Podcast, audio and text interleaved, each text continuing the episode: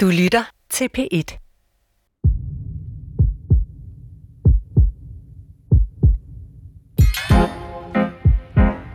Afslitte knæ, smerter i hoften, degeneration, den ranke rygs forfald, knagen og bragen i kroppen. Åh ja, der er så mange glæder ved at blive ældre, og slidgigt er blot en af mange.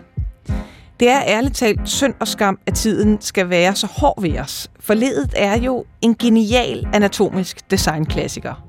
Der er mindre friktion i ledene hos en 20-årig end i nogen som helst menneskeskabte maskiner. De led, du fødes med, er mere hårdføre, smidigere og stærkere end noget kunstigt led nogensinde kan komme i nærheden af. Kugleled, glideled og hængselsled fungerer gnidningsløst og smertefrit i den 20-årige perfekt kalibrerede krop. Hvorefter det begynder at gå ned ad bakke. Åh oh, nej. 987.000 danskere siger selv, at de har slidgigt.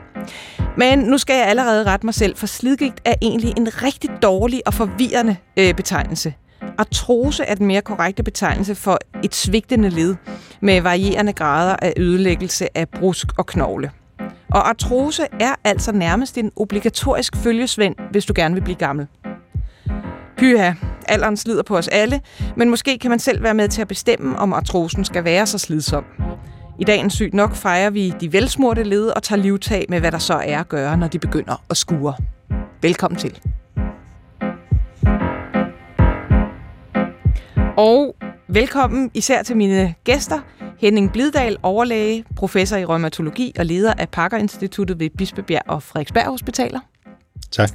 Og Søren Skov, professor i træning og sundhed på Syddansk Universitet og forskningsleder i forskningsenheden Progress på Slagelse sygehus. Velkommen til dig også. Mange tak. Øhm, et spørgsmål til jer begge to. Hvis I nu skulle være et led, hvilket led vil I så vælge at være? Søren, vil du starte? Altså, jeg har jo i al min forskningskarriere beskæftiget mig med knæledet, så det vil være det helt oplagte led. Knæledet, fordi det er stabilt og stærkt, og fordi at det er et af de led, der har stor betydning for vores funktionalitet. Det er, jo, det er jo gode, altså man kan jo starte med lidt selvro, i hvert fald. Jamen det, det synes jeg, den er, den er godkendt.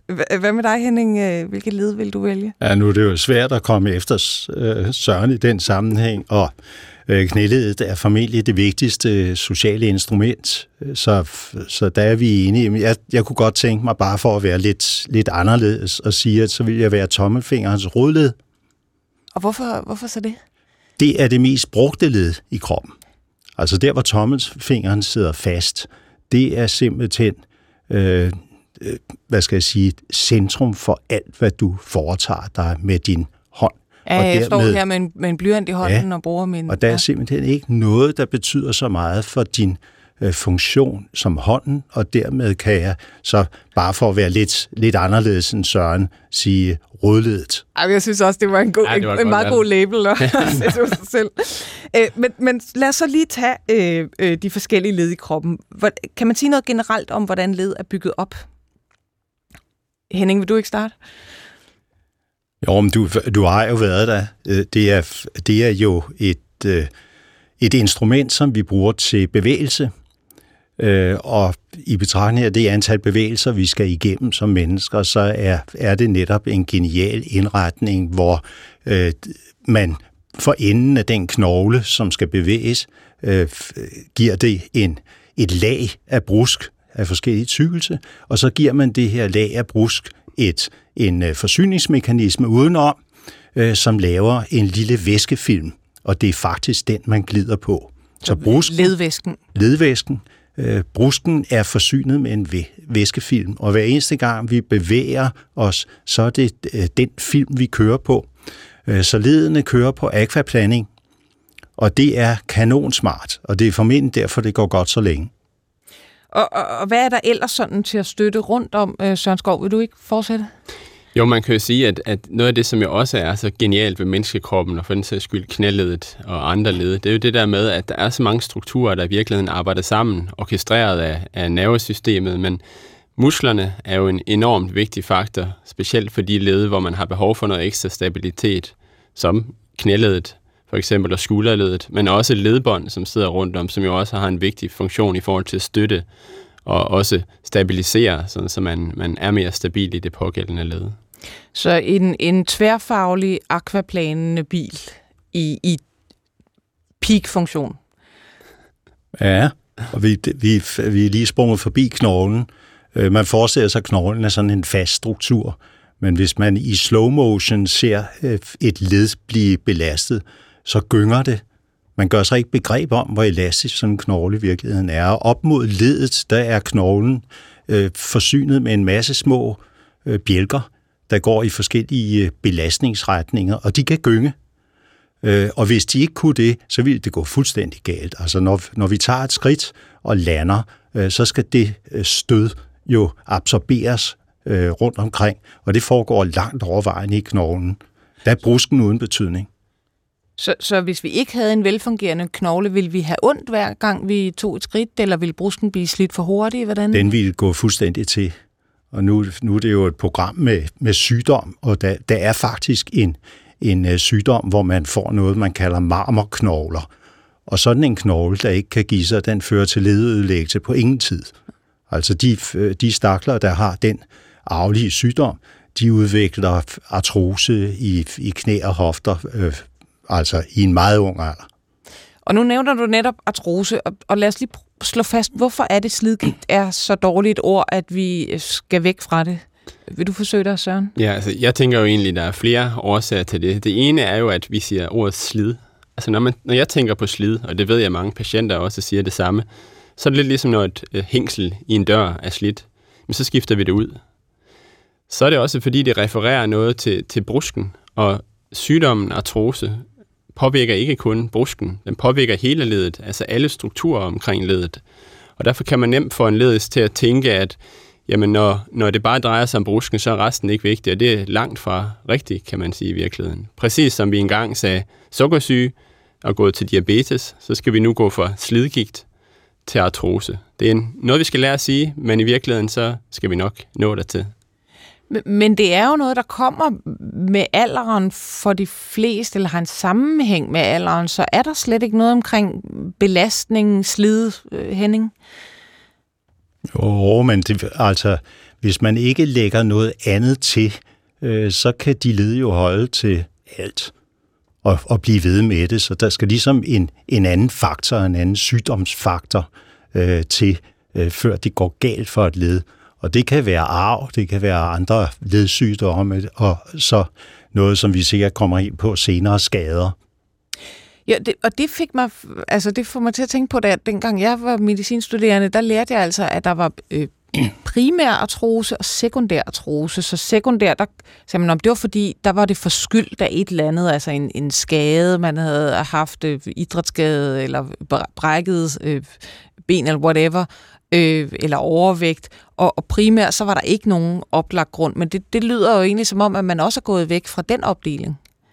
Ikke helt. Altså, der, der er nogen, der er i stand til at lave deres artrose øh, af sig selv, bare ved at, at være der. Og det er rigtig synd for dem, hvis de har den arvelige form for artrose. Den kommer, den kommer jo øh, tidligere, end, end de ellers ville få. Men hvis man kombinerer de der ting, altså dårlige arveegenskaber og skader, så går det helt galt. Hvad hedder det? Øhm, lad os, lad os vende tilbage til, hvad der sådan kan få, øh, hvad kan man sige, få artrosen til, til at komme, og, og hvad, hvad der kan betyde øh, genetik blandt andet. Men, men bare sådan helt kort, øh, hvad kender man ellers af risikofaktorer, øh, Søren? Altså, de, de største risikofaktorer er jo en skade, for eksempel en alvorlig knæskade, hvis det er knæet, vi taler om. Svær overvægt er også en rigtig, rigtig stor risikofaktor. Så findes der nogen, som måske i mindre grad har en betydning, men som stadigvæk er betydningsfulde. Der er køn, altså kvinder er i øget risiko for at udvikle artrose. Der er lav muskelstyrke. Der kan også være noget relateret til arbejde, man nu har. For eksempel knælende arbejde kan have en, betydning, og i virkeligheden kunne man måske blive ved med at nævne rigtig mange risikofaktorer der er jo også alder, og det var lidt det, du var inde på før. Jeg var lige ved at skulle til at sige det, og så øh, stoppede jeg mig selv alligevel, fordi alder er jo egentlig også en risikofaktor. Og nogen mener, og det kan der måske være noget rigtigt i, at det lige så høj grad handler om, at man møder mange risikofaktorer i løbet af livet, og det er den akkumulerede risiko, som så gør, at alder kan være en årsag til, at man har højere risiko Altså det er ikke alderen i sig selv, men, Nej. men alt det, der sker i, Men i løbet af ens liv. Formentlig er det ligesom en, en del af sandheden, men det giver jo rigtig god mening, når man hører det, at man er udsat for mange ting i livet. Ikke? Altså kan der også være noget omkring definitionen på artrose, at, at det i virkeligheden er lidt svært? At nu nævnte jeg 987.000 danskere. Det er folk, der selv fortæller, at de har slidgigt eller artrose. Øh, har man nogen sådan helt fast måde at sige, nu er det, det her det er slidgigt, og det her det er ikke slidgigt? Uha. jeg, jeg har deltaget i et tilsvarende øh, hyggeligt samvær, samtale, hvor vi klarede næsten en time, eller måske mere, uden at komme ind på, hvad artrose var og definere det, fordi det er nemlig så svært. Øh, der skal i faglig sammenhæng øh, nogle røntgenforandringer til. Dem hænger vi på. Det var Altså, der, man skal tage et opdagede, hvad det- for Man skal tage et røntgenbillede, hvis man vil være øh, sikker på den del af diagnosen, og så skal der nogle symptomer til. Hvad, hvad ser man på sådan et røntgenbillede? Øh, øh, ja, du ser forandringer i de væv, som øh, Søren nævnte før. Altså det er forandringer i brusk og knogle, det handler om på et røntgenbillede. Det er det, øh, der i virkeligheden kan vi kun se knoglerne, så kan vi jo se mellemrummet mellem dem, øh, så vi føler, at vi kan se noget om brusken også. Men det røntgenbilledet handler om knogler, og det er knogleforandringerne, der er definerende for, om man har artrose på røntgenbilledet. Men du får ikke artrose uden samtidig at have nogle kliniske symptomer. Og hvordan, hvordan ser det ud, sådan et degenereret artroseramt led? Ja, det bliver smallere. Altså det vi så ser på røntgenbilledet er ledspalten, hvor langt er der mellem knoglerne, og der er simpelthen ikke så langt mellem knoglerne, og når, når ledet er nedslidt, så er der ikke noget mellem knoglerne. Så øh, går man knogle på knogle, øh, når vi nu tager knælet frem. Det er det, vi ved mest om. Mm. Det kan vi se. Altså, det, det er jo, altså, jeg står næsten her og får ondt, når du siger det. Ja, Så, så der skal vel også nogle smerter til Ja. i definitionen. ingen, ingen smerter, ingen artrose. Og, og det kan middagsselskabet godt blive enige om. Ja, det kan vi nok blive. Øh, Er der, hvor ligger usikkerhederne så, øh, Søren Skov? Ja, så man kan jo sige, man kan jo godt have klinisk artrose, det vil sige symptomer på artrose, uden nødvendigvis at forandringer på røntgenbilledet. Jeg tror, en af de steder, hvor usikkerheden helt sikkert ligger, det er jo et sammenhæng mellem det, vi ser på et røntgenbillede, og den smerte, folk udtrykker, den findes ikke rigtigt. Så det er ikke sådan, at jeg som patient, hvis jeg har ondt i mit knæ, kan bruge mit røntgenbillede som en, et bevis på, hvor ondt jeg har. Og det tror jeg er vigtigt at give videre til lytterne, at, at de skal ikke bruge røntgenbilledet som en, en definition på sygdom. De kan egentlig nøjes med symptomerne. Jeg tror, en af grundene til, at der er så stor variation på, hvordan man definerer artrose rent klinisk, det er også, hvilken population man har udviklet de her kriterier på. Nogle af dem er udviklet på en population, som har mere svær artrose, senere i deres artrosestadie. Andre har måske mere fokus på primær praksis hos egen læge. Og det gør, at det kan være et spænd fra, at du har belastningsrelaterede smerter, du ikke har så meget af det her, der hedder morgenstivhed i dit led, altså dit led er stift om morgenen, helt op til, at du faktisk skal have nogle kriterier, som at der kommer noget knasen under din knæskal, når du bevæger dig til, at du har bevægelsesindskrænkning, altså dit led, led ikke kan bevæge sig så meget. Og man kan sige, at der er jo stor forskel på de definitioner, og derfor kan jeg godt forstå, at det til et middagsselskab og andre steder kan være svært helt at blive enige om, hvad er det egentlig, vi tager som udgangspunkt, når vi skal lave diagnosen artrose. Og, og nu nævnte du selv, at altså, ikke bare led kan knase, men det kan faktisk også være problemer med, med bevægeligheden. Øh, at, hvad er det, mennesker med slidgigt har af problemer? Altså, igen er det så... Jeg tror, jeg tror det, det, som er vigtigst at fremhæve, som det vigtigste kriterie, altså noget af det første, der typisk vil komme, det er jo belastningssmerter. Noget af det, som de fleste vil opleve. Ikke at det er en konstant smerte, men en tilbagevendende smerte, så de kunne have ondt, for eksempel når de har bevæget sig en lille smule eller noget tid, så forsvinder smerten igen. Den kommer måske igen efter, de har siddet stille. Og så med tiden kunne det udvikle sig til en mere øh, svær smerte. Så kan de opleve det her med varme og hævelse. De kan opleve, at der er bevægeindskrænkning. De kan opleve det her med, at knæskallen knaser lidt, eller det knaser, hvis man sætter hånden på, på knæskallen. Og så noget af det, som jeg synes, der er det allervigtigste ved artrosen, og måske er en forlængelse, eller nok er en forlængelse af selve smerten, det er nedsat funktion. Altså den her manglende evne til at kunne bevæge sig, som man kunne engang før. Og det er jo noget af det, der også gør, at artrose er en alvorlig sygdom, fordi det begrænser ens muligheder for at bevæge sig. Du lytter til Sygt Nok. Med mig i studiet er Henning Blidal, overlæge og professor i rheumatologi og leder af Parker Instituttet ved Bispebjerg og Frederiksberg Hospitaler, og Søren Skov, professor i træning og sundhed på Syddansk Universitet og øh, Slagelse Sygehus. Øh, og vi er fuld gang med at snakke om ikke slidgigt, men artrose. Og indledningsvis øh, sagde jeg, at 987.000 danskere i hvert fald selv fortalte, at de har slidgigt. Det var i den nationale sundhedsprofil fra øh, 2017. Men hvor mange tror I har artrose? Tør I, tør I gætte? Henning? Ja, der, vi ved nok mest om knæ. Øh, tilbage til, til Sørens øh, favoritled. Øhm, og der er, øh, når man kommer op i en alder, der er relevant, og det er over 55 år, der har øh, 20 procent af befolkningen knæartrose, og 10 procent har det i en grad, så de har det, det vi vil kalde øh, behandlingskrævende smerter. Og dit favoritled, det var jo tommelfingerens grundled. Nej, rodled. Og, undskyld, rodled. Ja. Men jeg synes, jeg læste nemlig, var det så måske tommelfingerens grundled, som er det led, der hyppigst bliver ramt af artrose Nej, i virkeligheden? det er rodledet. Okay, og, og, og ved man så det fra sådan nogle røntgenundersøgelser, øh, eller, eller hvordan, hvordan ved man det?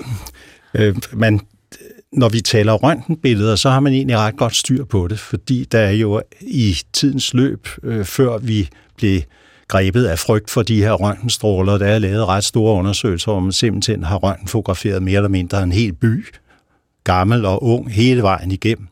Øh, og så har man øh, styr på, hvornår der kommer røntgenforandringer. Og det led, der, der vinder øh, øh, røntgenkonkurrencen, øh, det sidder i nakken. Altså lidt, lidt lavt i nakken, der er de led, som bliver mest ramt af røntgenforandringer. Og det kan man jo så spekulere på, om det er derfor, man har ondt i nakken. Men, men nu er vi tilbage til den der underlige øh, ting, at det ikke er røntgenbillederne, der gør ondt. Der er noget andet, der gør ondt, og selv når man har, hvis vi går ned i knæet, hvis man har slidt knæet fuldstændig ned, så er det kun halvdelen af dem, der går på sådan en knogle mod knogle, øh, øh, et knæled af den type, der, der klager over smerter. Og det, og det er svært at håndtere øh, hele vejen igennem. På et tidspunkt når vi til at tale, hvad behandling kan man tilbyde. Og man bliver nødt til at have de aspekter, nemlig både de strukturelle forandringer, som røntgenbilledet er udtryk for, og så øh, smerter funktion med i sine overvejelser, hvad man egentlig kan gøre ved det her. Mm. Hvis vi bliver lidt ved, ved diagnosen, så, så er der jo nogle diagnoser, der åbner døre for, for muligheder, altså for behandlingsmuligheder, for at komme ind i nogle, nogle programmer. Er det det samme med artrose, eller er det egentlig ligegyldigt, hvad man kalder det? Søren Skov? Jeg tror, jeg er i hvert fald tilhænger af, at vi, vi skal passe på, at man skal overholde en hel masse kriterier for at kunne få tilbudt en behandling. Så hvis man kommer til egen læge med ondt i sit knæ, og den praktiserende læge ikke kan finde andre årsager til det, og patienten er oppe i en vis alder, så kan man godt antage, at det er artrose. Og så er det jo klart, at i visse tilfælde er det rigtig godt med et røntgenbillede, men man skal jo ikke vente til, at man opfylder seks kriterier, før man skal tilbyde folk behandling, hvis de har ondt i deres knæ. Så du mener i virkeligheden, at hvis man har ondt, så skal, så skal man gå i gang med behandlingen? Det kan man sige. Altså, det er jo klart, at der nogle andre mere alvorlige underliggende årsager til knæsmerten, øh, så skal man jo selvfølgelig eftersøge, om det er det, der, der er årsagen til det. Men ja, Øh, hvordan i forhold til, til genetikken, jeg, jeg lagde mærke til, Henning, du nævnte det med, at, at, øh, at hvis, hvis man har den der arvelige form for artrose, øh, så, øh, så kommer det tidligere. Ved man, hvad det er genetisk, der gør, at der er nogen, der er disponeret til at udvikle slidgigt hurtigt, og nogen, der ikke nødvendigvis gør det? Nej, det er, det er så i et stykke tid været en stor forhåbning, at man ligesom kunne finde genet, der giver det her eller der giver den øgede tendens øh, til artrose, og, og det har man så let efter så længe, at man er klar over, at der ikke er ét gen, der er mange gener, der giver det, og derfor er øh, genterapi, hvis man forestiller sig den mulighed, den er ude, fordi der er mange, der gør det, men de, de ser ud til at give den samme reaktion fra ledet, og, og det var vi ikke inde på før, da, da vi talte om knogle, men øh, knoglen reagerer, og det er, det er helt typisk for sygdommen artrose, at knoglen bygger til. Altså i ledets øh, randzone, der kommer der ekstra vækst af knoglen. Og det er formentlig en forsvarsmekanisme fra naturens side, det kan man spekulere over, men, men øh, denne vækst betyder jo så, at knoglet, at øh, ledet bliver mere klodset, øh, og det er en del af bevægeindskrænkningen ved artrose, man har der. Man kan se de der knogletilvækster på fingrene ganske let, til næste familieselskab, der kan man sidde og kigge på fingre, og de bliver sådan ligesom knortede. Man får sådan nogle knopper på dem. Men det gælder alle led, der er ramt af artrose, at de bygger ud. Øh, så man bliver stivere øh, i nakken. Man kan, man kan ikke se lige så godt over skulderen, hvis man prøver at være trafiksikker. Man kan ikke bevæge det hele. Man kan pludselig ikke enten øh, bøje knæet helt, eller strække knæet helt, eller for hoften som noget særligt ved den, så kan man ikke dreje den. Øh, og det ender med, at man ikke engang kan nå sine fødder, øh, fordi man ikke kan dreje hoften igennem. Så øh, det, alle, alle ledene kan rammes af denne her knogle tilvækst, og den er ikke særlig praktisk, og vi kan ikke gøre noget som helst ved den. Det er nemlig en af de ting, vi ikke kan træne væk. Og, og nogle gange kan man jo netop få en, en bedre forståelse af, hvad er det for nogle mekanismer, der så der så skaber slidgigt ved at se på de her for, mange forskellige gener, som, som bidrager. Kan, kan I se, når, når man kigger på, på de gener, man har fundet, øh, eller genklynger, man har fundet, at, at der er noget omkring for eksempel knoglenydannelse øh, eller øh, regeneration, eller har man nogen idé om de øh, mekanismer, der fører til artrosen? Ja, det er, det er der rigtig mange idéer om, og medicinalindustrien har også opdaget dem. Og hver gang øh, de kommer med et nyt middel, eller sådan har det været indtil nu, hvor vi siger, nu har vi den, nu ved vi, at en eller anden spøjsfaktor i det led øh, er den. Der er nogle enzymsystemer, man kan hæmme og angribe osv. Og øh, indtil videre, så er behandlingerne i den sammenhæng endt i et rundt nul, desværre. Øh, så det, det er ikke den vej, øh, jeg ville øh, gå, hvis, hvis jeg var beslutningstager og sad på pengekassen, så var det nok mere at give Søren nogle penge øh, til, til noget træning. Men, Søren nikker, men, Søren nikker ja. Han er sikkert helt enig. Men det, nej, det, vi, vi, kan ikke, vi kan ikke bruge den viden til noget. Øh, det, hvad, som, hvad kan vi bruge til noget så? Ja, jo, vi kan bruge den til lidt, fordi hvis, hvis man nu er øh, øh, udsat for, øh, kunne man sige, arveegenskaber, der, der markerer artrose, øh, så vil det så vil det give en løftet pegefinger i forhold til visse idrætsgrene, øh, hvor skader har betydning. Hvad, øh, hvad kunne det være? Ja, men det er jo kontaktsport, det handler om, hvor, hvor skaderne drøber ind. Øh, man behøver ikke se ret mange håndboldkampe i fjernsynet for at, at erkende, at øh, de kommer som gæster i mit ambulatorium senere hen. Så, så idrætsskader er, altså, når vi kigger væk fra genetikken, altså en, en, øh, en voldsom risikofaktor for senere at udvikle artrose? Ja, vi, vi har været i nærheden af den erkendelse, men det er faktisk dansk stjerneforskning, vil jeg sige.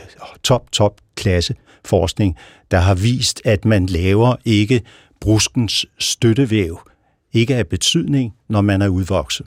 Altså fra man er 20 og op efter, der har man det støttevæv i brusken, man skal bruge resten af livet. Der er også noget fyld ind imellem støttevævet, øh, og det kan man skifte, men selve støttevævet regenererer ikke, og det betyder så, at, at øh, de skader, der kommer på brusken, kan man faktisk ikke overvinde. Man kan træne alt muligt andet efter sådan en skade, men brusken, den har en øh, skade for resten af livet, og den har fået sådan et hak. Og det er muligvis derfor, at det, øh, som Søren antydede med årene, så summeres alle de her brusskader, og, og ender, ender med at være en meget alvorlig risikofaktor for artrose. Øh, hvad med den risikofaktor, der hedder overvægt? I har nævnt det ganske kort, men hvordan virker det på, på, på risikoen for artrose? Jeg kan jo starte indledningsvis, så kan man sige, give det videre til eksperten, som står ved siden af mig. Altså, det giver måske sig selv, at jo mere vægt man har ovenover knæet, jo mere vægt kommer der også på knæet, når man bevæger sig. Og det er også derfor, at mere svær overvægt er en stor risikofaktor for at udvikle artrose. Men så ser det jo også ud som om, at man faktisk ved overvægt, og det her du må, må øh, tilføje, også faktisk har en øget risiko for artrose i andre led, som ikke er vægtbærende, hånden og fingrene for eksempel. Og det viser jo, det er ikke kun belastningen, men der er også nogle andre systemiske faktorer, som har indflydelse på, eller er årsag til, at det kan være en risiko for at udvikle artrose. Hvad, hvad, hvordan kan det dog være, øh, Henning Glidal? Normalt opfatter man jo fedtvæv som sådan en kedelig øh, kamelpukkel, man øh, slæber rundt med, men det er et meget aktivt væv. Og fedtvæv laver øh, utrolig mange faktorer, og nogle af dem kender vi fra andre ledsygdomme faktisk også. Hvis nogen er interesseret i det, så kan de jo øh, gå ind og finde, hvad, hvilke øh, af de øh, faktorer fedtvæv laver, som har betydning for ledsygdom som sådan. Så vi tror, at det er den vej rundt. Men, men øh, vægtbelastningen er klart det værste. Altså når man er tung, så, så går det ud over ledet, og ledet bliver ikke kun belastet øh, kilo til kilo af denne her vægt. Når man, når man skal videre frem, så skal man jo yde noget ekstra arbejde omkring ledet, og det vil sige, at, at det bliver simpelthen øh, muskeltrækket omkring ledet tæller med. Så hvis man øh, tager et kilo på, øh, Øh, så vil man ved almindelig gang belaste ledfladen med øh, cirka 3 kilo ekstra. Og modsat, hvis man kan tabe det kilo igen, så vinder man øh, tre gange så meget. Det er jo ret flot. Så, så det kan virkelig betale sig, hvis man øh, lider af slidgigt, altså at, at, at forsøge at tage noget belastning af? Ja, nu vi talte om de faktorer, der, der spiller ind ved udviklingen af slidgigt. Det her er jo så noget af det, man kan gøre noget ved. Ja. Mm. Øh, alder og køn er, er det, det er svært. Det, man kan det, godt det er svært, gøre noget ved alderen, men det er det, meget dramatisk. Ja. Det er ret svært. Men, men øh, overvægten kan man bekæmpe, og hvis man, hvis man regner overvægt om i BMI-point, øh, så øger man sin øh, artroserisiko i knæet med 15 procent for hver point, man kommer over 30. Mm. Og så kan man, øh, altså, det er eksponentielt det her, og man, det er rigtig slemt. Man kan vel sige i forlængelse af det, så er jeg helt enig, at vi skal prøve at tage fat i nogle af de risikofaktorer, som vi kan gøre noget ved. Og der kan man sige, at knæskade for eksempel er et andet rigtig, rigtig godt bud. Vi kan se, at med forebyggende træning bare to-tre gange om ugen, kan vi faktisk forebygge halvdelen af alle alvorlige knæskader. Og hvis jeg så tænker på, at blandt dem, der får den her alvorlige knæskade, så vil halvdelen faktisk 10-15 år senere have udviklet slidgigt. Så vil vi kunne gøre rigtig, rigtig meget ved også at forebygge skaderne i første omgang, kan man sige. Så det er virkelig en, en, en ond cirkel, men du, du, vil bryde, før den er, er begyndt at rulle øh, snebolden? Ja, man kan sige, at forebyggelse var noget, som vi burde sat rigtig meget på inden for det muskuloskeletale område, fordi at der faktisk er en hel del at komme efter. Og så øh, Henning Blidal, du, du nævnte det her med fedtvævet, og fedtvævet danner nogle faktorer, som, som kan påvirke ledene. For, formentlig tænker du på, altså det har også inden for andre kroniske sygdomme været, været rimelig hot i, i mange år efterhånden, at der er sådan en slags øh, lavfrekvent øh, øh inflammation, altså betændelsestilstand i kroppen, som blandt andet kan, kan skyldes øh, øh, hvad skal vi sige, usundt fedtvæv. Øh, to ud af tre af dem med slidgigt har også andre kroniske sygdomme. Er, er der en sammenhæng der? Ja, det, det er jo svært at skelne dem fra hinanden, men hvis man har overvægt, så læner man sig op af frygtelig mange sygdomme i virkeligheden. Og det, det diskuteres jo indimellem, om man skal sygeliggøre overvægt. Og det, jeg har ikke nogen øh, mening om skønhedsidealer eller noget, men set ud fra et ledsynspunkt, der er overvægt en øh, betragtelig risikofaktor, og det er, den, det er der, man skal øh, gøre noget i almindelighed. Hvis vi så øh, kombinerer det med idræt, øh, så er jeg fuldstændig enig i, at øh, forebyggende øh, træning omkring øh, idrætsfolk er helt i top. Og der dukker så en ekstra lille ting op, at hvis de får deres skade alligevel, øh, så er der en del af dem, der bare bliver ved at spise det, de plejede, øh, før de fik skaden, og så bulner de ud. Og det er, det er en rigtig kedelig ting. Altså man stopper med idrætten, men man fortsætter ja. med, med det indtag. Du, du får skaden, så du ikke kan lave det, du plejer, og så har du vendet dig til et ret stort kalorieindtag, og det ender skidt. Jeg har lyst til at sige lidt i forlængelse af det med, med de mange kroniske sygdomme, at udover overvægten, som er enormt betydningsfuld, så er det også inaktiviteten, for vi kan se, at de her kroniske sygdomme, faktisk 35 har fysisk inaktivitet som en risikofaktor. Det vil sige, at er du inaktiv, så er det øget risiko for at få 35 forskellige kroniske sygdomme. Og en ulempe ved netop at have artrose, det er jo, at det påvirker ens funktion. Man får et lavere fysisk aktivitetsniveau, dermed er du faktisk i øget risiko for mange, mange kroniske sygdomme. Så der er altså et eller andet at komme efter her, og et eller andet, vi skal prøve at sætte ind over for i forhold til den fysiske aktivitet også. Og der, bare lige for at krølle lidt ind på den inflammation, du snakkede om før, så ser det jo også ud som om, at fysisk aktivitet faktisk reducerer den der systemiske inflammation, som du snakkede om før. Så vægttab, fysisk aktivitet, det må vel være vores nøgle forebyggende faktorer. Det er nemlig altså øh, vejen til alt godt fysisk aktivitet. Øh, med mig i studiet i dag er Henning Blidal, overlæge og professor i rheumatologi og leder af Parker Instituttet ved Bispebjerg og Frederiksberg Hospitaler, og Søren Skov, professor i træning og sundhed på Syddansk Universitet og leder af forskningsenheden på Slagelse Sygehus. Øh, og, og altså, Søren, øh, du er en stor fan af fysisk aktivitet, og med god grund formentlig, men hvis du prøver at zoome ind på fysisk aktivitet og artrose, hvad er det så lige, der er så godt ved det? Man kan jo sige, skaden på ledet er vel sket? Jamen det er måske lidt for os at vende tilbage til det, vi snakkede om indledningsvis, at artrosen jo ikke kun påvirker brusken. For vi skal jo ikke tro, at den fysiske aktivitet fører til mere brusk hos patienten med artrose. Det er misforstået. Til gengæld øger det muskelmassen. Det reducerer den her inflammation, som, som findes systemisk i kroppen.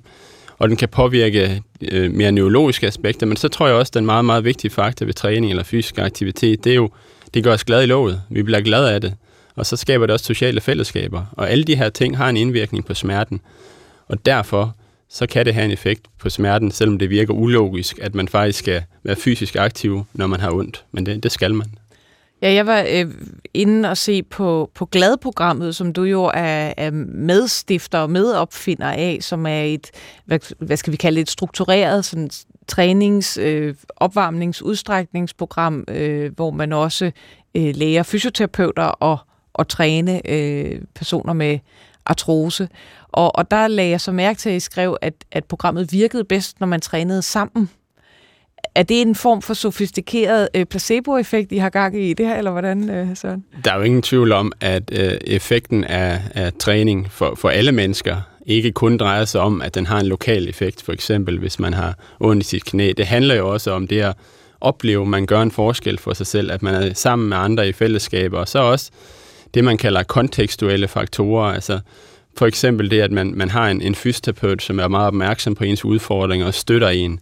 Det hjælper jo også på, på ens øh, knæproblemer, så det, det kan jo også være en af forklaringerne på, at, at øh, det har en effekt. Ja, og jeg skal måske lige tilføje, at det står for godt liv med artrose i Danmark, og, og øh, jeg ved i hvert fald, at jeg har en meget, meget stor fan, så jeg skal lige få din underskrift bagefter, for det er nemlig min mor, som har brugt øh, det øh, gladprogrammet mange, mange år.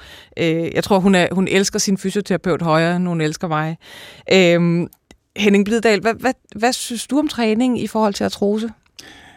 Jeg, jeg mener, at træning er utrolig vigtig. Bevægelse er vigtig. Funktion er vigtig. Øh, mit øh, sted og mit, min synsvinkel på det her er farvet lidt af, at øh, 40 procent af de svære øh, tilfælde med knæartrose er koblet øh, til et øh, BMI på, på øh, op i den tunge klasse. Og, Hvad er den øh, tunge klasse? Ja, men det, øh, i virkeligheden er du øh, betydeligt overvægtig, når du krydser 28, og når du krydser 30, så bliver du med, undskyld, ordet fed. Det er, det er definitionen. Og det er sådan i, i runde tal, er det, ja, undskyld, det, det er, når man, når man kommer op pludselig som almindelig bygget, vejer 80 kilo eller, eller derover, så, så er det for meget. Øh, Øh, og der har min øh, indstilling været, at så skal folk tabe sig, og derefter begynde at træne. Så vi er slet ikke i tvivl om, at, at træning er et godt slutmål. Men øh, jeg er ked af, hvis øh, folk får det indtryk, at de kan træne den vægt væk. Det kan de, når de er unge, men det kan de ikke, når de har ødelagt deres knæ. Men, men som Søren lige har sagt, noget af, noget af træningen jo også gør det at gøre en, altså øh, glad og, og, og veltilfreds, og, og, og jeg vil sige, der er jo mange vægt, vægttabsprogrammer, som gennem tiden har vist, at, at det er muligt at få folk til at tabe sig, men så når, når diæten øh, stopper, så kommer kiloene på igen, og dermed den dårlige samvittighed og skyld over, at man ikke kunne holde vægten ja. osv. Er det, er, det, er det nu også sundt at fokusere så meget på den vægt? Ja, det er faktisk rigtig sundt. Det er øh, lige, lige så vel som man træner for sundhedens skyld, så skal man holde vægten nede for sundhedens skyld, og, og man får alverdens følgesygdomme, som Søren lige nævnte. Øh, så øh, ikke overraskende er det svært at øh, holde et vægttab. Det er egentlig i, med alle de programmer, der er, det er relativt, øh, ikke let, men, men det er relativt enkelt at komme ned i vægt at blive dernede, det er rigtig, rigtig svært. Og det gælder fuldstændig som ved træning, at hvis man ikke er øh, støttet af en gruppe, øh, det er vores erfaring, øh, så siver vægten på igen. Mm. Så man bliver nødt til at finde nogle lidelsesfælder at råde sig sammen med, eller også burde det offentlige øh, servere øh, muligheden for en, fordi så kunne man godt øh, få det til at virke. Og nogle af de programmer, vi har kørt, har vi haft øh, denne type deltagere med i, og der kan man øh, få et vægttab til at holde sig i op til fire år i hvert fald. Mm. Når man så slipper gruppen, når man slipper den, den øh, støtte, der er øh, fra de andre, øh, så siver det på igen. Og, og, og hvis man nu har prøvet øh, vægttab, og man har prøvet træning, og det alligevel bare går den forkerte vej, så er der jo nogen, der ender ud med en operation øh, og få skiftet knæet. Øh, hvor mange snakker vi om, at hvis vi holder os til knæartrose, øh, operationer om året? Der, altså, først og fremmest kan man jo sige, hvis vi tager på en hel population, så er der jo folk, der har forsøgt, eller forskere, der har forsøgt at gå op i et livstidsperspektiv, hvor mange får så et kunstigt knæled i det her tilfælde, som er den operation, der er mest hyppig, og også effektfuld til, til patienter med, med svær artrose. Og der er det 1 ud af 3 til 1 ud af 7, som ender med at få en operation. Så der er jo rigtig mange, som skal klare sig med vægttab, træning, øh, smertestillende medicin. I Danmark er der omkring 10.000 om året, der får et øh, kunstigt knæled, øh, og hofterne er nogenlunde tilsvarende, tror jeg. Er det efter jeres mening, er det for mange? Er det tilpas? Hvordan, øh, hvordan forholder I jer til altså, det? Lige, du, du prøvede at få os øh, op i krogen, så vi definerede artrose, og jeg kan fortælle, at det bliver ikke lettere, når man ser, hvem skal egentlig have hvilken behandling til artrose. Øhm, og der, der er slet ikke enighed om det. Og man kan ikke stille op nogle punkter, så når man har opfyldt så og så mange af de punkter, øh, så kan man lige så godt øh, bestille en tid hos kirurgen. Det findes ikke. Øhm, og jeg nævnte vist øh, på et tidspunkt, at det er kun halvdelen med nedslidte knæ, der har trose, så vi kan ikke bruge røntgenbilledet. Det er, ikke, det er ikke godt nok. Og det er jo sådan en blanding af funktion, smerte, de strukturelle forhold, øh, bevægelse, og så øh, er der forskel på, hvem man søger rådgivning hos, ganske givet. Så der, der, er, der er jo nogle steder, hvor man hurtigere kommer øh, af med sit led end andre steder. Jeg kunne måske tænke mig at sige i forlængelse af det, at det er jo noget af det, som vi også har fokus på i fællesskab. Vi har blandt andet sådan en Clinical Academic Group, som er en gruppe af, af folk, som gerne vil forbedre praksis eller forbedre forholdene for patienter i praksis med artrose. Og jeg tror netop, det er vejen frem, at vi i højere grad sætter os sammen og prøver at blive samarbejde på tværs af faggrupper, på tværs af sektorer, for at hjælpe de her patienter bedre, netop så vi sikrer, at der er mere ens retningslinjer, hvis muligt, for, for det. Hvad kan man risikere, hvis man, altså, lad os sige, går rundt og har rigtig ondt og, og, og er indskrænket bevægelsesmæssigt, og så får et nyt knæ, så, så skulle man jo umiddelbart tænke, så har vi skiftet den her øh, fejlfunktion ud, og nu, øh, nu går det da fint. Gør det så også det? altså, hvis vi tager udgangspunkt i internationale tal, så ser det ud som om, i hvert fald 8 ud af 10, der får et kunstigt knæ, de får det væsentligt bedre i forhold til deres smerte. I Danmark kunne det godt se ud, som det ser lidt bedre ud. Det, som er udfordringen, i hvert fald set fra mit perspektiv, det er jo, at der er så stadigvæk 2 ud af 10 tilbage, som vi skal prøve at hjælpe på en anden måde, og du kan ikke gøre din operation om. Derfor er der al mulig grund til, at jo længere vi kan skubbe den første operation, som er en succesfuld operation, jo bedre. Og det er jo der, hvor man kan sige, at man skal lære folk i højere grad at håndtere symptomerne ved hjælp af vægttab og træning og andre ting. Altså, der, der er jo en, en dansk øh, øh, sundhedsøkonom, som har lavet en oversigt over, hvor meget koster øh, mennesker, der har fået nye knæser efterfølgende for sundhedsvæsenet. Der er vedvarer øh, sundhedsomkostningerne øh, ved at være høje, øh, altså lige så høje som hvis hos folk med slidgigt, der ikke øh, er, er opereret. Så det, der er vel også et, altså et, en stadig behov for at, at blive fuldt op og få behandlet? Jeg tror, at det, som både Søren og jeg står for, er, er måske ikke, at man skal lade være at operere, fordi det kan jo være nødvendigt, men man skal have chancen for nogle andre behandlinger først, øh, for at se, om man kan slippe ud af fælden, øh, set ud fra vores synspunkt. Og en, en operation, øh, som er, er højeffektiv i nogle tilfælde, øh, giver jo frygtelige problemer hos andre. Øh, og det, det, er, det er de der 80-20 øh, forhold, som man øh, ser på, og, og det alene berettiger, at man øh, prøver at øh, skærpe øh, kravene til, øh, hvad skal der til for at blive opereret, og hvad, hvad skal man prøve først. Vi kender det også fra andre områder. Vi kender det især om, omkring rygoperationer, øh, som slet ikke er så succesrige. Det hedder måske snarere 50-50, hvis man ser på nogle af de degenerative rygoperationer. Men øh, sådan en 80-20-model øh, skal man have i tankerne, når man øh, laver sundhedsplanlægning.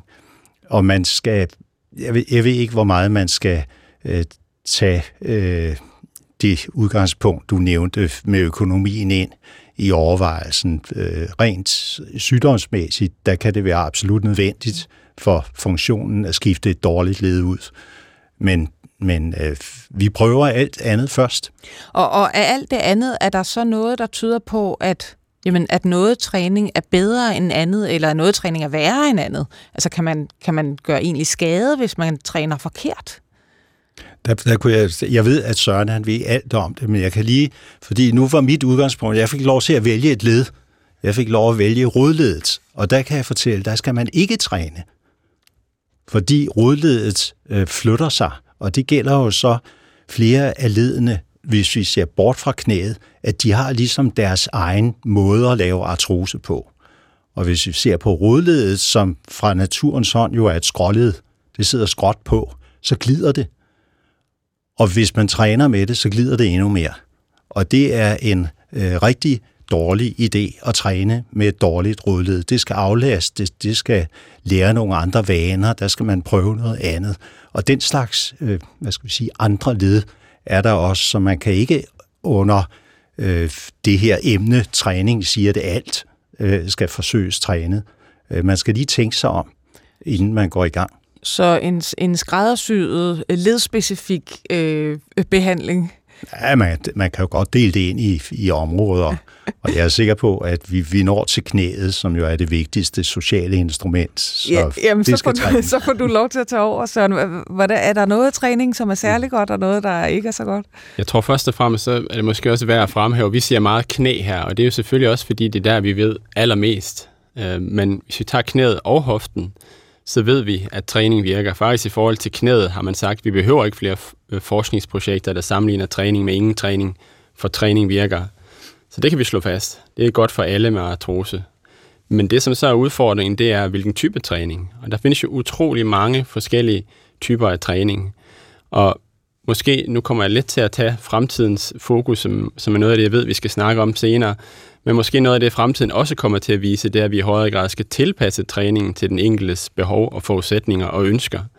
For som med vægttab er det som med træning, at hvis du ikke er motiveret for det, så er det svært at fastholde det år efter år efter år. Og tilpasser vi træningen ud for de ønsker, som patienten har, så er der større chance for, at de faktisk er motiveret til at fortsætte. Også at vi tilpasser det løbende over tid. Jeg tænker også, at en af de udfordringer, som, som nogle af lytterne måske sidder med, er, jamen det gør jo ondt, når jeg træner. Og der er noget af det, som vi typisk bruger i forhold til, til både patienter og i forskningsprojekter, det er at give dem nogle tommelfingerregler i forhold til at håndtere deres smerte. Og en meget øh, let forståelig tommelfingerregel, det er at sige, jamen hvis du ikke har mere ondt dagen efter, at du har trænet, end du havde før træningen, jamen så har du ikke gjort noget skade på dit knæ eller dit hofteled. Og så kan det så være lidt svært at vide, hvor ondt må det så gøre, og der kan det være en rigtig god idé at have en fysioterapeut til at understøtte en i at tilpasse træningen til den enkelte. Hvis vi ser lidt bort fra træning, så slynger jeg lige noget ud, fordi hvad med altså, glykosamin, det var det helt store for, ja måske det er vel efterhånden en 10 år siden, ikke? Øh, øh, hvad var det? Hest, hestebrusk eller sådan noget? Hestepiller. ja, hestepiller, ja. ja. Er, der, er der noget altså, smertestillende medicin har vi været ganske kort inde på, og, øh, og, og det kan vi også tage, men, men er der noget sådan medicinsk, man kan, man kan prøve? Der er i hvert fald rigtig mange tilbud. Og nu, nu har Søren jo slået fast, at øh, træning øh, er godt. Og det, og det er jeg enig i, øh, fordi så bliver man trænet. Men øh, jeg, jeg må, må med skam melde, at der er nogle ting, øh, der egentlig giver det samme velvære, eller den samme, øh, de samme svar, hvis man spørger om smerte. Øh, så, så hvis, hvis man øh, hvis man arrangerer sig med at øh, lave en sammenligning mellem bestemte former for træning og så nogle andre øh, øh aktiviteter, som man gør i en gruppe, øh, så er det, det nok være? det samme. Ja, for eksempel sidder og snakker om sine led. Der er lige kommet en, en undersøgelse, hvor de præcis har gjort det der, hvor de har inviteret folk ind, og så har de haft sådan en gruppearbejde, hvor de sidder og taler om det hele. Og det påvirker jo også sindet, det får man da også gladere med øh, man får færre smerter.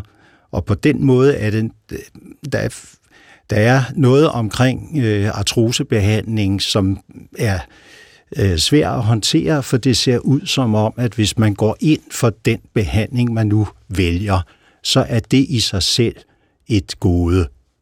Så, så hvis, hvis det nu ligger mere til en at tage en glukosamintablet, end at gå til varmepakninger eller at lave bestemte former for udspændingsøvelser eller og så videre, øh, så er det nok det, der er det rigtige for en.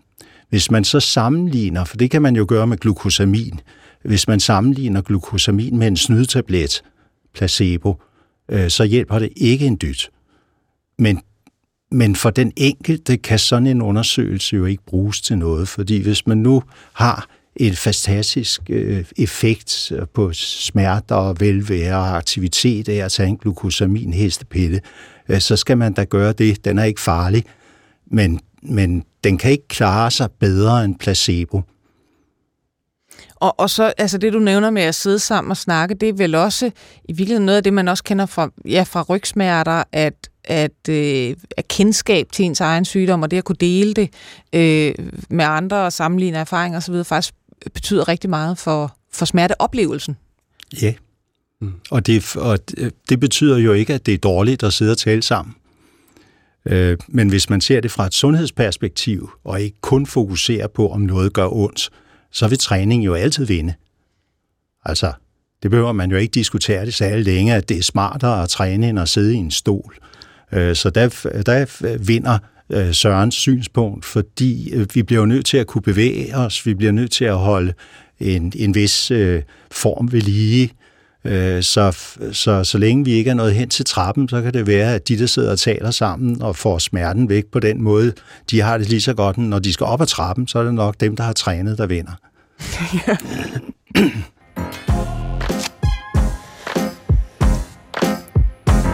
Du lytter til Sygt Nok. Øh, vi snakker om det fantastiske led øh, med særlig fokus på knæledet og også med særlig fokus på, når ledet øh, med alderen måske begynder at blive mindre fantastisk, og der opslår, står artrose i ledet. Med mig i studiet er Henning Blidal, overlæge og professor i rheumatologi og leder af Parker Instituttet ved Bispebjerg Frederiksberg Hospitaler, og Søren Skov, professor i træning og sundhed på Syddansk Universitet og forskningsleder på Slagelse sygehus. Øhm, vi kiggede på glykosamin. Hvis vi nu i stedet for at vende blikket bagud, vender blikket lidt fremad, er der så noget ude i horisonten, øh, som sådan øh, dufter nyt og spændende, hvor man tænker, det her, det bliver altså det bliver det store gennembrud? Henning ja, du har været i, i gamet længst. Du får ja, lov til at starte. og, og, og det korte svar er desværre. Øh, der er simpelthen ikke noget hokus pokus omkring det her. Det er nogle stakkels led, øh, hvor degenerative forandringer er der. Øh, så det, det handler om, det er, hvis man skal bruge penge på det, og nu er vi inde i noget sundhedsøkonomi, det er simpelthen at få det til at fungere så godt som muligt. Og hvis, øh, hvis Søren og jeg arm i arm skal gå herfra som venner, så bliver det noget med, at, at folk skal holde sig slanke, og så skal de være aktive og de skal være aktive i det omfang, de kan. Øh, det er jo det, der ligger i det. man skal træne op til en grænse, hvor, hvor, hvor ledet melder fra. Øh, og selvfølgelig skal man det. Men, men øhm, Henning Blidal, som, som speciallæge i rheumatologi, så rheumatologien dækker jo over andre former for, for gigtsygdomme. Hvis du sidder i et ambulatorium, hvor mange af dine patienter har artrose? Altså nu sidder jeg jo i et hjørne, hvor de har artrose. Alle, der kommer og besøger mig. Øh, men, men øh, hvis vi ser på de andre gigtsygdomme, så er det utrolig vigtigt at få dem behandlet, for det er også en risikofaktor. Alting ender i artrose. Det er ligegyldigt, hvad der sker med ledet, om, om man er syg på den ene eller den anden måde, hvilken slags gigt man har, det ender med artrose alt sammen. Fordi det er det, der øh, på øh, godt dansk hedder Final Common Pathway. Det er simpelthen øh, ligegyldigt, hvordan man generer et led, så laver det artrose, når det har varet længe nok. Så og det er det er slut- skader, det er ja. overvægt, det er andre gigtsygdomme, det er hele vejen rundt. Artrosen vinder til sidst. Er det ikke, hvis det er 20 procent af, af alle danskere, der har det her, sk- sk- skulle man ikke sådan for alvor sætte ind i, nu, nu må der altså ske noget nyt? Hvad er din våde drøm om øh, fremtiden med artrose i Danmark, øh, Søren Skov?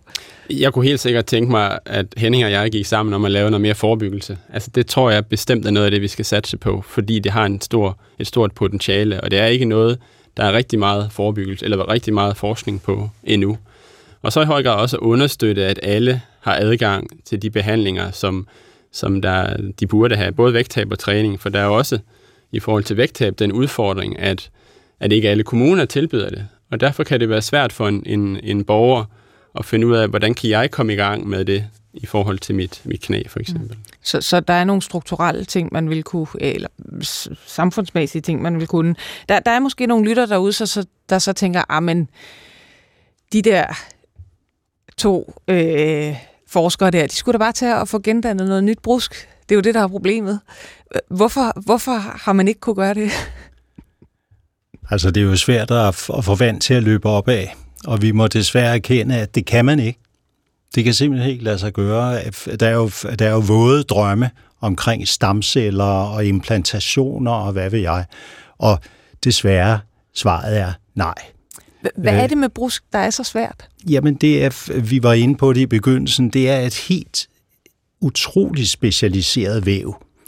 Og, og, og man kan ikke, det kan ikke sidde fast. Det kan ikke, det er, du har det brusk, den brusk, øh, du, du øh, skal køre med resten af livet, den har du, når du er 20, så pas på den.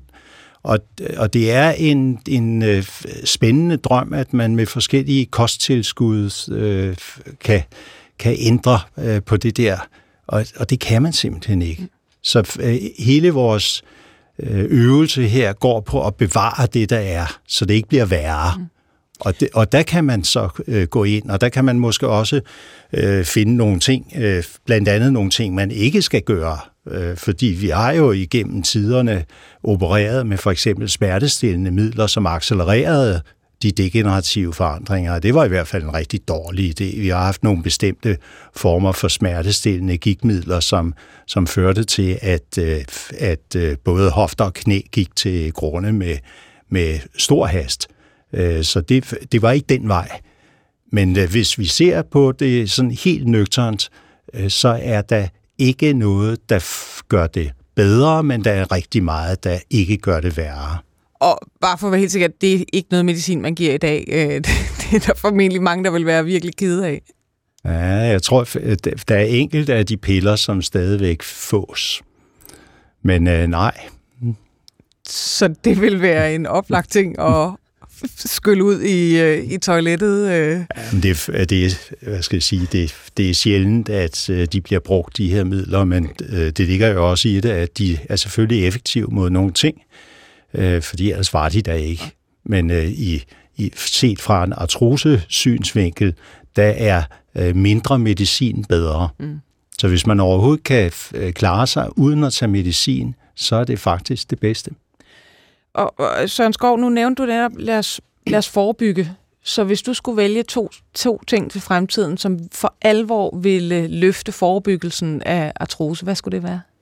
Jamen i virkeligheden skulle man gå helt tilbage til, til idrætsklubberne og sørge for at forebygge de, de oprindelige skader, knæskader, alvorlige knæskader, fordi vi ved, at halvdelen kan forebygges. Så det vil i hvert fald være et, et meget, meget vigtigt sted at sætte ind. Så tror jeg i høj grad også på, at det, det handler meget om, om oplysning, om at hjælpe borgerne ude i Danmark til at forstå, hvad de kan gøre selv, hvordan de selv kan håndtere det.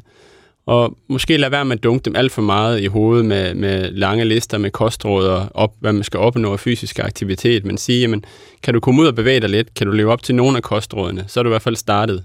Og så hjælpe dem til måske at bygge på der, i stedet for at sige, at du skal det her, og du skal det her. For det kan være svært. Det giver dig fuldstændig ret i. Og det blev altså desværre øh, det sidste, vi nåede i dagens øh, Sygt Nok om artrose, eller slidgigt, som vi øh, skal prøve at holde op med at bruge.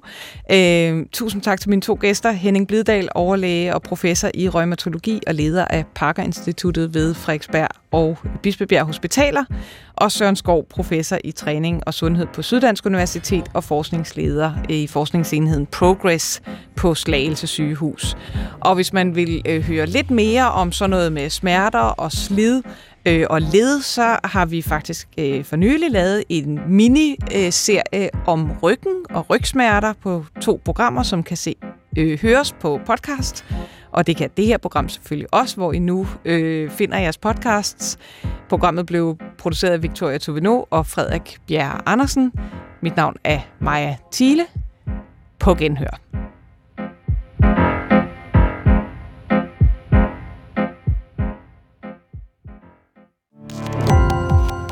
Gå på opdagelse i alle DR's podcast og radioprogrammer. I appen DR Lyd.